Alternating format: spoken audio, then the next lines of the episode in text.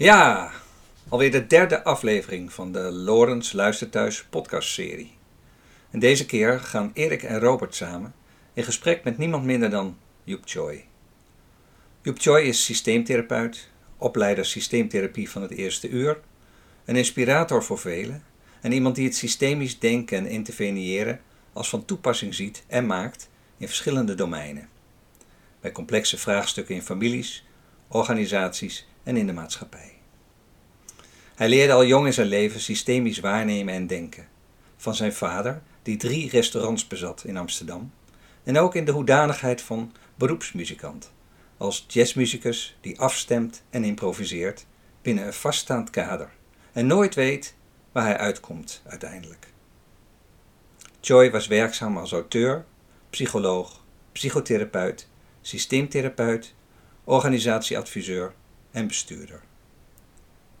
Hij heeft meerdere artikelen en boeken geschreven, waarvan De Vraag op het Antwoord uit 2005 het meest bekend is. Daarnaast is hij opleider, trainer en coach van bestuurders, managers, organisatieadviseurs, coaches en mediators. Erik van der Elst en Robert van Hennik spreken hem over systemen, organisaties, muziek en zoveel meer. En Joep? Hij vertelt levendig, gepassioneerd van achter zijn bureau, dat omgeven is door volle boekenkasten. Al vertellend staat hij op, vindt het boek dat hij zoekt en leest een citaat voor ter ondersteuning van zijn verhaal. Het gesprek zal iets langer duren dan gepland, maar verveelt geen moment. Veel luisterplezier. Joep, ehm, ja, eerste vraag. We zijn eigenlijk ook wel heel benieuwd waar jij in je leven zo ongeveer systemisch hebt leren denken. Dat, dat zal misschien niet één periode zijn, maar misschien popt er wel iets op waarvan je zegt, nou daar is dat ongeveer gebeurd. Ehm, ja, uh, dat is dit jaar 50 jaar geleden. Ik liep stage in het uh, Provinciaal Ziekenhuis Zandpoort. En toen was uh, Notch was heel populair. En zij haalden Notch naar het ziekenhuis toe. En ik heb toen, mocht ik als stagiaire mocht ik meekijken. En ik vond het fascinerend hoe zeg maar, het gezinsfenomenen werden geanalyseerd. En ook hoe ze daar hoe Notch dat, dat allemaal met elkaar in verband bracht. En dat, uh, nou, dat was eigenlijk mijn eerste kennismaking. Ja, ja, ja. En die heeft jou echt die, op die manier gegrepen. Dat ja. je dacht, wauw. Ik vond het eigenlijk een soort boekhouder toen ik hem zag. Ja, ja, ja. dat geen, niet echt een aansprekende persoonlijkheid, maar wel nee. heel conscientieus uh, de zaken uh, analyseren. Met name die, die, die herhalingspatronen in gezinnen. Ja. En, we hadden natuurlijk gezinnen in de psychiatrie die nou, met zwaar gestoorde patiënten. Ja. Uh, en ook uh, hele complexe gezinsfenomenen. Ja. En, ja, ik vond, het, ik vond het fascinerend, laat ik het zo zeggen. Ja. Ja. En ik dacht al, dat is iets voor mij. Ja. Ik was niet zo iemand die de, zeg maar, in de mens wilde duiken en dat doorgronden, maar veel meer kijken, wat gebeurt er dan tussen mensen. In de tussenruimte Ja. eigenlijk. Ja, ja, ja. ja. En hoe past dat dan bij je? Is dat, dat, heeft het ook met Heeft dat een grotere geschiedenis? Of is dat, hoe ontstaat zo'n het- interesse? Ja, nou, ik ben eh, het derde kind. Ik had boven mij een eh, zeer eh, ingewikkelde, maar boeiende zuster. En, en ook een boeiende broer en een zusje onder mij. En mijn oma woonde bij ons in, dus we waren altijd met zeven personen aan tafel. En aan tafel gebeurde van alles. En ik had al snel in de gaten dat als ik mijn oma wat provoceerde, dat mijn oudste zuster het voor oma ging opnemen. En mijn jongste zusje vond dat allemaal wel leuk en die stimuleerde mij om weer tegen mijn oma in te gaan. To- Kortom, ik had, Ja, ja, ik had zoiets van, goh, Ja. er gebeurt veel tussen ons. Ja, ja, ja. Ja, En was dat ook al terug te vinden? Want eh, je hebt wel eens verteld, jou, jou, jouw vader bezat een aantal re- restaurants op het, op het Rock In, als ik Ja. me goed herinner. Eh, nou, jij hebt daar volgens mij ook wel rondgelopen. Eh, Ja. Was hij ook al een soort van systeembeïnvloeder of, of, of denker of waar het gaat om organisatie Ja. van de zaak? nou, mijn vader was wel een, eh, laat ik het positief labelen, een constructieve manipulator. Oh ja? Ja, dus wij hadden een Italiaans restaurant, een visrestaurant en een Chinees restaurant. Ja. En mijn vader zei altijd, je moet goed opletten of de, de keukenbrigade en de bedienendenbrigade, dat die niet te close met elkaar worden. Want als dat zo is, dan kan er gebeuren wat er bij de Five Flies, beroemd restaurant in Amsterdam, Ja. gebeurde. Namelijk dat ze dan de boel gaan op, op, eh, eh, oplichten. Ja, ja. En dus als je ziet dat mensen die zitten vriendschappelijk eh, met elkaar omgaan, gooi dan een, een wat vervelende roddel erin. En dan gaan ze alweer tegenover elkaar. En dan is dat voor ons als ondernemers is dat beter. Ja, ja, ja, ja, ja, ja. ik had zoiets van, jeetje, Ja. dat kan toch eigenlijk helemaal niet. Maar goed, Hij deed dat. ja, Ja, ja. Hij was eigenlijk al een beetje systeemdenker. dat was een beetje Ja, systemisch. ja, ja.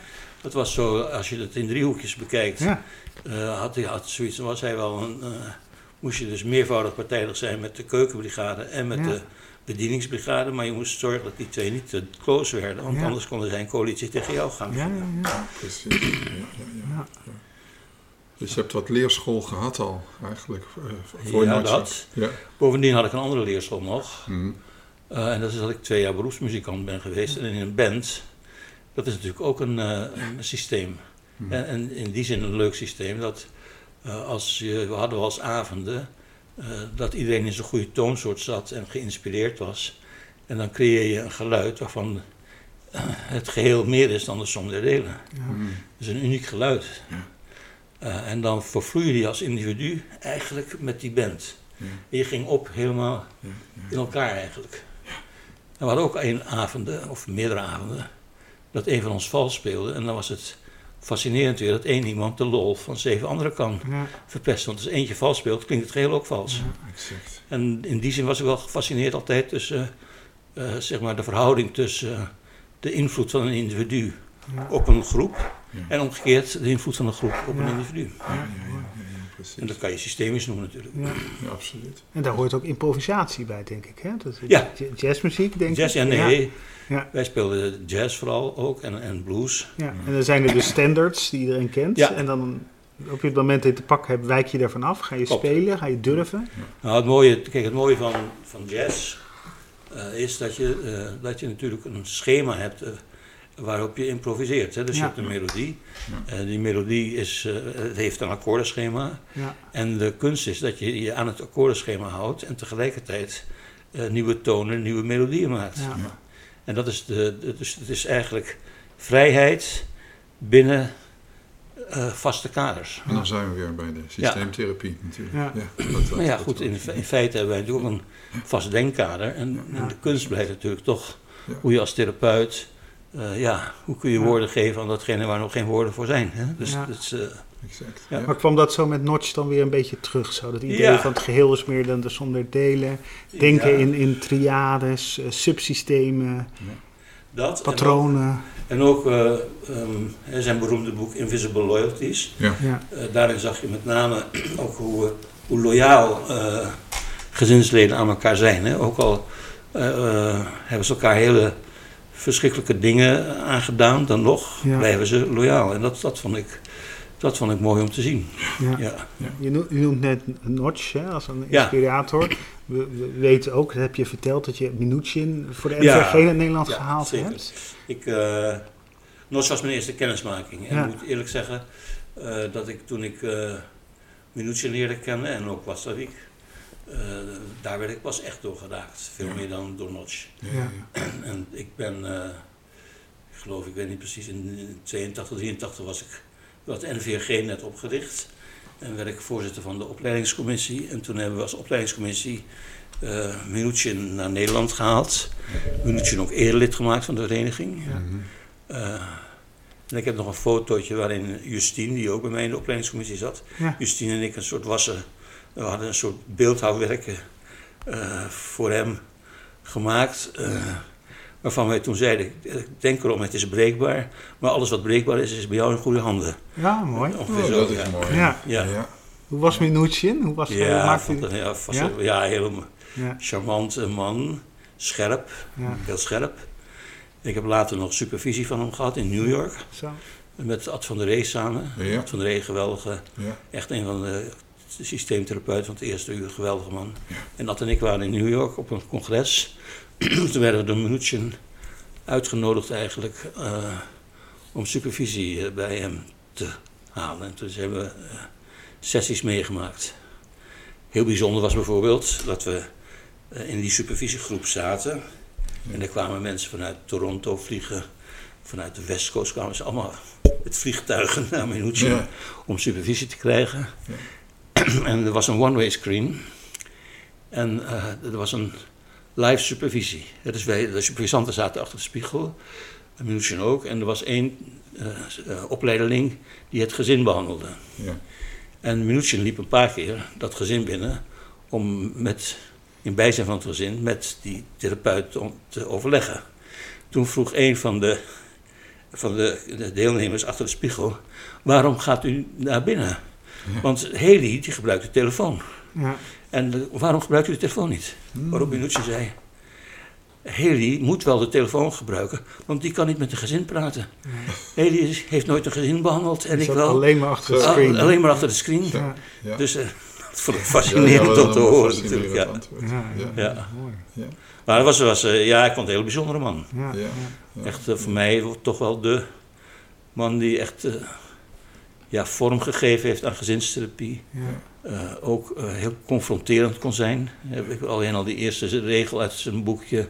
Dat meneer, eh, mevrouw, meneer zegt: Ik ben depressief. En dat hij vraagt: Wie in dit gezin maakt u depressief? Ja. Ja. Ja, ja, ja, ja. Dat moet je wel durven, natuurlijk. Ja, ja. Dus ja, echt. eh, Ja. ja. Heeft jouw werk denk ik ook echt beïnvloed? En, Ja, en, en, en enorm. je ook gevormd? En, en enorm. Zowel in je periode denk ik als, als directeur van, eh, van, van, van eh Toppenburg, van Triversum. Zeker. Maar was heel veelzijdig. Hè? We moeten niet vergeten, Minucci is begonnen natuurlijk met Family of the Slums. Ja. Dus die had al een wijkgerichte systemische aanpak. Wat nu eigenlijk wel weer helemaal in is. Hè? Dus Ja. die, die had, was een Ja. tijd ver vooruit. Ja. En Minucci had ook duidelijke ideeën over, over, over hoe eh, zeg maar mensen in, in, in vaste verbanden, organisaties, Ja. zich tot elkaar zouden moeten verhouden.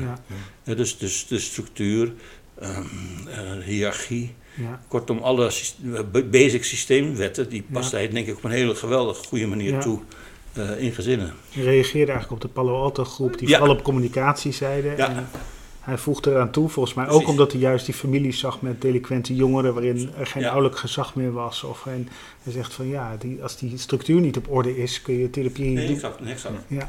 nee, het was structuur en communicatie natuurlijk. Ja, en ja. daarom, was, daarom waren ze zo complementair aan elkaar. Ja, En dus ze reisden ook heel veel samen, bijvoorbeeld Heli en Watsterwijk Ja. en, en, en, eh, en Minuchin. ja, ja, Ja.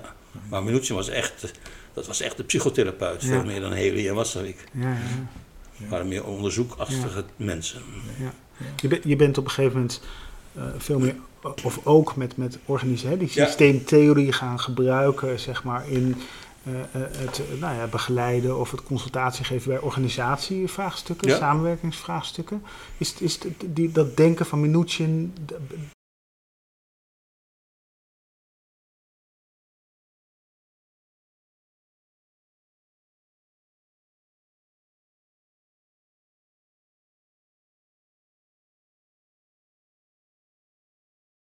Was dat even een beetje hoor. Was dat trouwens de band met waar Linda van Dijk ook in Ik, speelde, ik, was, de- ik was de leider van de Lofzet, de begeleidingsband van Linda van Dijk. Ja. Ja, precies. Ja. Ja, Later natuurlijk bekend als actrice in Nederland. Nee, geweldige Ja, dame. Geweldig. Ja. ja. Ja. ja, Die, die, die ik altijd nog steeds gebruik in mijn werk met organisaties. Het eerste is, eh, hoe, hoe zit de structuur van de organisatie in elkaar? er zijn structuren in organisaties die eh, als structuur als zodanig conflictueus zijn. Dan moeten de betrekkingen wel heel goed zijn. Wil zo'n asymmetrische structuur niet in de weg zitten, gaan zitten. En neem bijvoorbeeld het, eh, het meewerkend voormans, of meewerkend menschap moet ik tegenwoordig zeggen. ja, Eh, hè, dus dat je dus als teamleider zowel de leiding hebt over het team, als dat je ook collega bent. Nou, die, dat is een structuur, een hybride structuur, die alleen maar kan gedijen bij de gratie van hele goede betrekkingen. ja, En dus toen ik directeur werd, eh, of was op Tulpenburg bijvoorbeeld, eh, behandelde ik zelf nog gezinnen op de polykliniek. Eh, en als, dan was ik als bestuurder eh, eh, verantwoordingsschuldig aan Theo Kompernolle toen, die was de chef de polykliniek, ja, eh, die tegelijkertijd weer mijn werknemer was. ja. Nou, dat is een structuur die goed is voor, die staat borg voor heel veel conflicten. Ja, Maar omdat Theo en ik gewoon goede maatjes waren, kon, kon die, die idiote structuur, kon kon, bestaan. van, vanwege de bet- goede betrekkingen, Ja. kon dat, ja, eh, kon dat gedijen, zeg maar. Dus als de, als de relaties goed, Als de relaties goed zijn, goed zijn, kunnen we het conflict dan- en verschil dragen. En als de relaties niet goed zijn, is het conflict, is het conflict of verschil gevaarlijk, toch? Ja, ja. En, Van- en Van Dongen zei altijd, als een organisatie haar probleem definieert in de structuur, dan zit de oplossing vaak in de betrekkingen. Ja. En als een organisatie haar probleem definieert in de betrekkingen, dan zit de Ja, oplossing oh, ja. vaak in de structuur. Ja, ja, ja. Dus dat- die twee dingen hebben met elkaar te maken. Nou, dat heb ik van Minuutje meegenomen. Ja. Ja. En, het, en heel belangrijk, en dat wordt, is wat uit beeld geraakt, helaas, tegenwoordig, ja. dat is het invoegen. Ja. Gewoon het invoegen. ja. Ja, dus tegenwoordig hebben we in de, in de heel veel organisaties heb je van die organisatieadviseurs, ja, een beetje die bedwetertjes, Ja. die hun mouw opstoken en zo Ja. roepen van nou, we zullen het wel even veranderen, Ja. weet je. Ja. Ja. Ja. Zonder dat ze eigenlijk snappen hoe de organisatie tot deze vorm is gekomen. Ja. Ja, ja. Ja, dus een organisatie is het resultaat van een ontwikkeling. Ja. Nog eens, een, een gezin ook. Ja. Een gezin heeft zich gisteren niet bedacht. Nee, dat Ja. is het resultaat van een ontwikkeling. Ja. En daarin invoegen. Ja. En van daaruit kijken wat je kunt toevoegen. Ja, Invoegen en toevoegen. Ja. En vervolgens Ja. weer uitvoegen, toch? En ja, precies. En ook weer de relatie dus. Je kan niet zomaar even binnenvliegen Nee. en de boel opschudden. en- Nee, zeker. et cetera. Ja. Dus ook dat is de bedoeling. Nee, zeker niet. En ook dus eerst begrijpen waar deze structuur of deze, ja, waar dat een oplossing voor is geweest. Ja. Voordat je gaat morrelen, gaat, gaat, gaat, gaat, gaat veranderen. Ja. Ja, kijk, als, als, als je kijkt naar eh, een, of patronen in gezinnen en patronen in organisaties, Ja. zijn soms vergelijkbaar. Ja. Zij dat het doel natuurlijk heel verschillend is. Dus in een, in een gezin eh, is het doel vooral om goede betrekkingen met elkaar te hebben. Eh, en in eh, organisaties is het vooral het doel om, om inhoudelijk goed met elkaar te werken. Je moet winst maken, je moet iets bijdragen aan de maatschappij, je moet patiënten beter maken, et cetera. De goede betrekkingen in een organisatie Ja. zijn niet het doel, dat is het middel. Ja. En, en in een gezin is het het doel. Ja. Dus dat zijn wel grote verschillen. Oh, maar ik las in een, een column die jij had geschreven. Ja? Dat, dat, moest ik noemen dat, eh, hè, dat eh, ik zelf dacht dat het organisaties hè, zinvol overleven vind ik altijd mooi. Hè? Dus dat je een, een, een functie hebt, dat je van betekenis bent. Maar soms gaat het meer over hoe overleven we als organisatie, hoe blijven we voortbestaan. Dat wordt soms belangrijker dan het oorspronkelijke doel waarvoor het opgericht is. Mhm. Maar jij schreef in je column, gebaseerd op Carl Wijk volgens mij, nog Ja. dat organisaties ook gewoon gaan om mensen van de straat te. Absoluut. En om gewoon eh, eh, iets te doen te hebben en eh, met mensen een soort te, te- hè, een manier van met elkaar spreken en met elkaar omgaan te ontwikkelen. Ik vond dat, vond dat, Nee, dat dat, is, dat is. Karl Wijk was ja, is de organisatiesocioloog, ook een systeemdenker. hè? ja, ja, Mhm. En die ehm, heeft hele mooie boeken geschreven, maar die heeft een, een quote, en die, die gebruik ik vaak, ja, dat organisaties dat het er eigenlijk helemaal niks toe doet. ja, dus eh, organisaties hebben geen enkel doel. Eh, het, enige doel is dat het mensen van de straat houdt ja, en mensen de gelegenheid geeft om verhalen te vertellen ja, en om elkaar te ontmoeten. ja, Mhm. En voor de rest is het allemaal bijzaak. Ja. Dat vind ik, en dat wil ik natuurlijk heel relativerend ja, op al die blabla eh, types die Ja. roepen van de organisatie. Je, ja, je moet een strategie en weet Ja, ik veel wat allemaal. Kijk, Mark Levy bijvoorbeeld, hè, ja, die heeft ook een heel mooi stukje in het parool geschreven. Eh, en dat stukje luidt als volgt. Dat hij eh, hoopte dat eh, in de covid-tijd, en waarin de covid-tijd stonden echt de inhoud centraal. Hè? ja, Al, die, al die types, al die staffiguren, ja, die waren even naar de zijlijn. ja, Alleen de mensen in het primair proces deden er toe. Dus toen pas hij- schreef hij, ik hoopte dat na covid al die strategische jongens en meisjes en al die mensen met een koffertje en een pakje die allemaal het over beleid en blablabla bla bla hebben, dat die voor goed verdwenen was. Maar nee hoor, uit alle spelonken en hoeken van de organisatie komen ze weer en gaan ze, zich, gaan ze de mensen die het echte werk doen weer van het werk houden.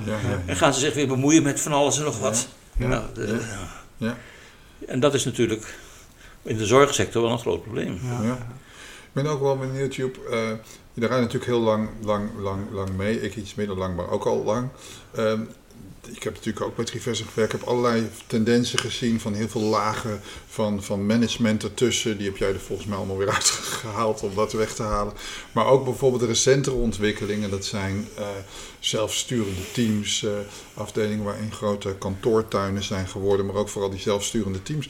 Ik ben wel benieuwd, wat is jouw visie daarop? Kijk, ehm zelfsturende teams Ja. eh, zijn, kennen hun oorsprong in de industrie. Eh, en eh, de zelfsturende teams, dat waren teams die regie voerden over de input, regie over de throughput en regie over de output. En dat, kon, dat konden ze zelf sturen. En daardoor konden ze input, throughput en output met elkaar in verband brengen. Ja.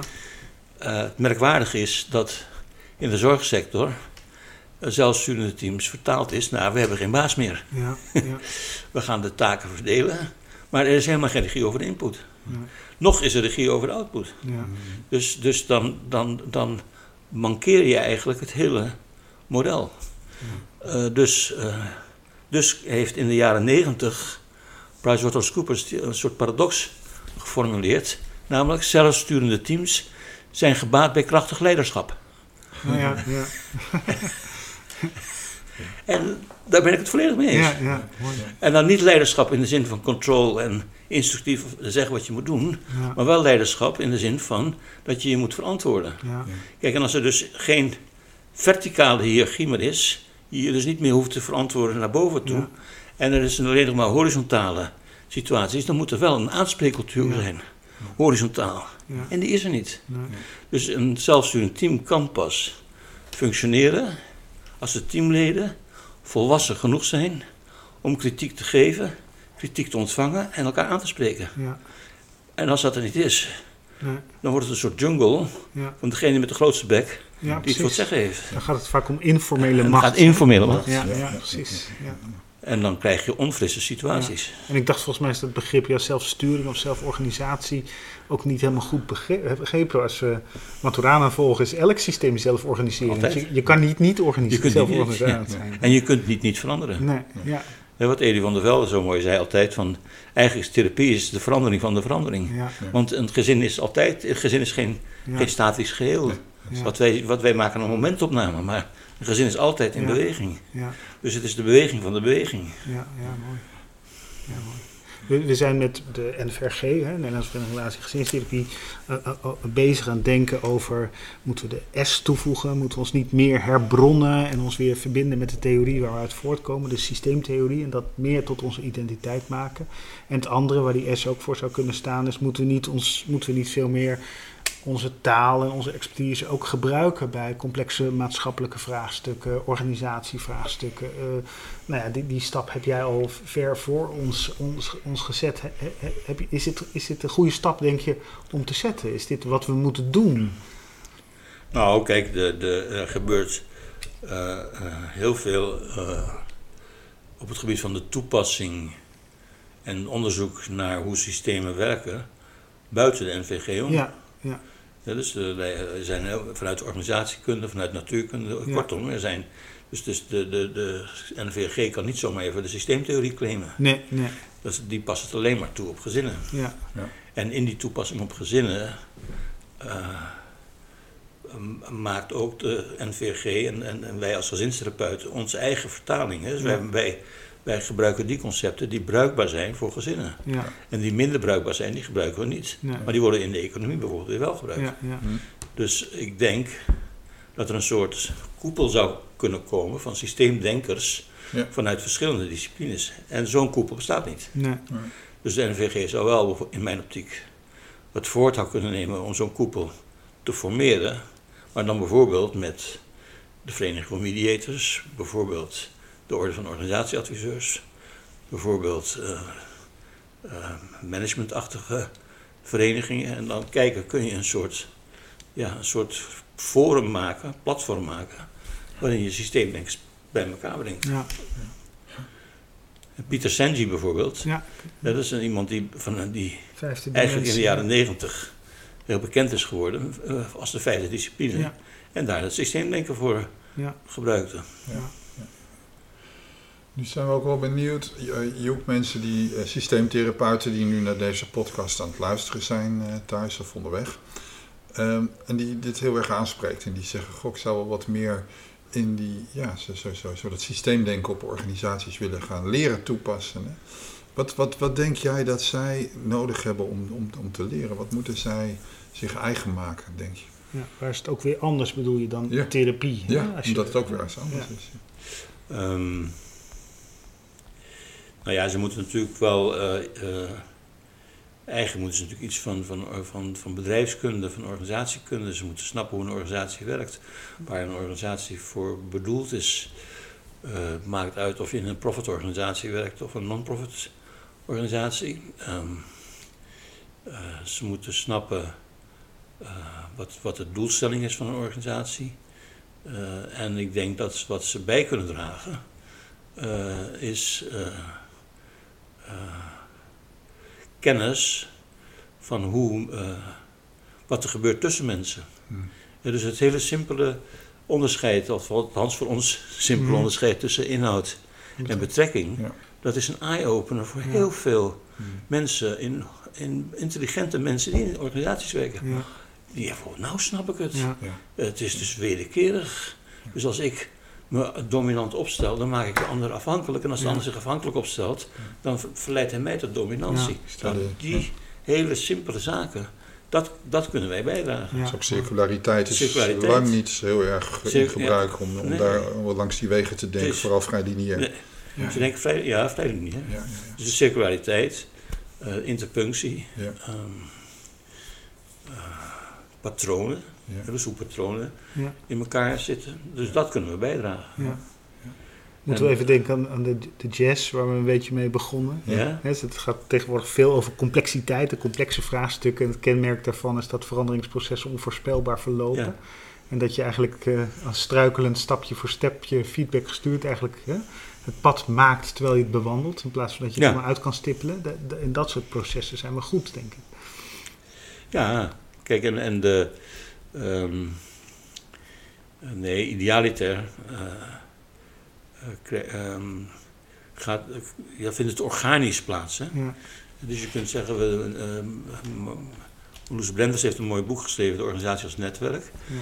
En daarin vind ik, ze maakt ze een heel mooi onderscheid tussen uh, verandering. En verandering noemt ze die veranderingen in een organisatie die aangebracht zijn door een manager. Ja. Uh, en ze heeft het over transformatie. En dat is de natuurlijke verandering die altijd al gaande is in een organisatie. En een slimme manager die kijkt natuurlijk naar wat is de transformatie in mijn organisatie. En als ik iets wil veranderen, dan probeer ik om de verandering op de bagagedrager van de transformatie te zetten. En dan wordt het een organisch geheel. Ja. En dan organiseer ik niet mijn eigen weerstand. Nee, dan krijg ik de mensen juist mee. Ja. En dat is de. Nou ja, dat is, dat is zeg maar een beetje de kunst. Hm. En um, als je het hebt over jazz natuurlijk, uh, dat je eigenlijk een, ja, een soort avontuur aan wil gaan. Zonder dat je zo uh, equifinaliteit, dat je, dat je het eindpunt hebt. Ja. dat zouden we allemaal wel willen. Ja. Maar een opdrachtgever wil van een organisatieadviseur graag weten: wat gaat u doen? Ja. Mag ik graag een blauwdruk van hoe het eruit gaat zien? Ja. Wat zijn de stappen? Ja. wat gaat het kosten? Hoe lang gaat het duren? Enzovoort. Dus, ja. dus je moet eigenlijk al je hele plannetje uitrollen. Ja. Uh, en in de laatste vijf jaar van mijn, uh, is het mij een aantal keren gelukt om te zeggen, ik maak helemaal geen plan. Oké. Ik maak geen plan. Nee. Maar ik, op eigen kosten, hoef je niks voor te betalen, wil ik gewoon eens twee, drie dagen rondhuppelen in je organisatie. Praatjes maken met mensen, indrukken opdoen, kijken wat er speelt, kijken wat er niet speelt. Hoe dik is het boek van de ongeschreven regels? enzovoort, enzovoort. Uh, en dan kom ik uh, na die twee, drie dagen, maken we een afspraak en dan zal ik mijn bevindingen met je delen en kijken of ik wat kan bijdragen. Ja. ja. Dat is leuk hoor. Ja. Dat zou heel leuk geweest zijn. Ja. Ja. En dan hoor je dingen die je nooit zult horen als je een plan maakt van te gaan om mensen. Hoe gaan we dat doen, weet je wel. Ja, ja, ja, ja, Dan wordt dat uh, de territory en nou ja, precies. Ja. precies Oké, ik denk dat we, ja, we, we, we hebben de, de, ook, ook nu weer heb ik zin om heel lang door te praten. Ja, zo gaat het. we hebben afgesproken dat we de podcast tot, tot zo'n 20 tot 30 minuten uh, doen. Dus e enorm bedankt voor, uh, voor al, de inzichten die je volgens mij al jarenlang ons, ons allemaal geeft. Maar, uh, maar ook, ook in dit verhaal. en, enorm bedankt, Joep. Ja, oké, okay, graag gedaan. Succes ermee.